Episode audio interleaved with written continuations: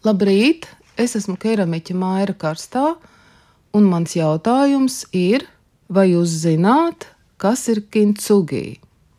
Tā ir japāņu māksla, kas radās 15. gadsimta beigās.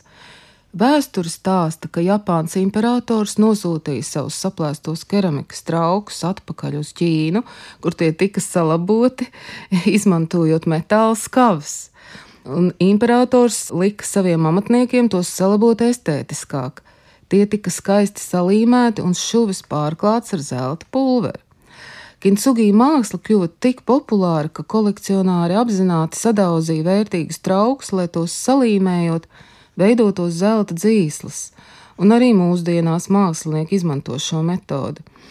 Pirms četriem gadiem man bija iespēja Korninga muzejā, Amerikā, apmeklēt laboratoriju, kur strādāja Japāņu meitene pie šāda apzināta sasista mākslas darba un ar abrīnojumu smalkumu ar rotas galiņu likus šuvēm zelta plāksnīšu gabaliņus. Mūsdienās mākslinieki izmanto zelta plāksnītes vai zelta krāsu, lai pārklātu līmējumu vietu.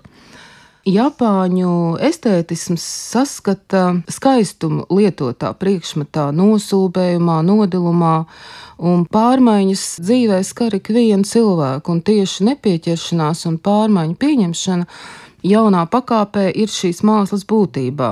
Kintsugi cildina nepilnību, trauslumu, un nepastāvības skaistumu, izceļot salīmētos traukus ar zelta līnijām.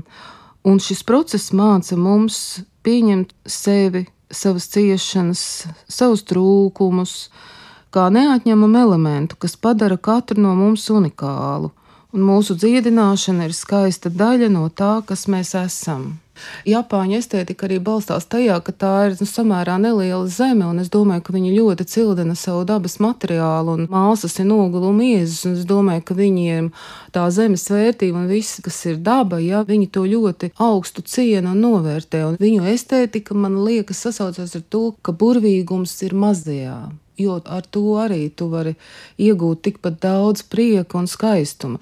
Un tāpēc, ja viņiem arī tas trauks saplīs, šis skaistais, Tāpēc es domāju, ka viņi arī iemācījās viņus atjaunot, ka viņiem tā bija tāda liela vērtība, tas, kas ir ar rokām uztaisīts un skaisti sanācis un noglazēts, un žēl, ka tāds trauks ir saplīsis, Viņi apguva šo skaisto metodi salīmēt pat no smalkiem gabaliņiem, un galvenais, ka katrā traukā jau tas dzīslojums veidojās pilnīgi savādāks.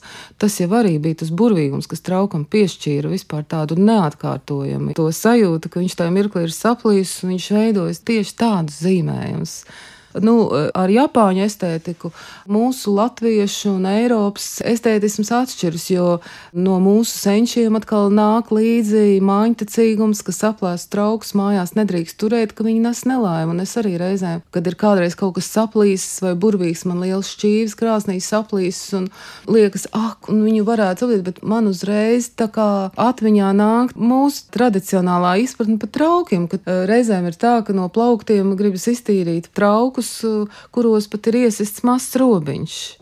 Un, līdz ar to mani trauki reizēm lauskas krājas lielā kastē ar tādu domu, ka varbūt es izveidošu kādreiz kādu mozaīku vai kādu mākslas darbu dārzā. Bet tomēr kaut kā es neatgriežos pie saplāstiem traukiem. Savukārt Japāņi saplāstajā traukā redz to mirkļa notikumu un tajā salīmējumā redz neatkārtojamu rakstu. Un no šiem saplāstajiem gabaliņiem salīmētais no jauna jauna, to pašu formu iegūšais trauks veido neparastu dzīslojumu, kas ir pārklāts ar eh, zelta pulveri. Mākslinieki šobrīd to metodi izmanto arī mākslā. Viņi paši arī saplēš reizēm darbus, lai konceptuāli izveidot un salīmēt no gabaliņiem. Viņi atkal atpakaļ kaut ko vēl varbūt iestarpinot un pieliekot un veidot to tīmekli, un vēl piešķir viņam tā notikuma vērtību.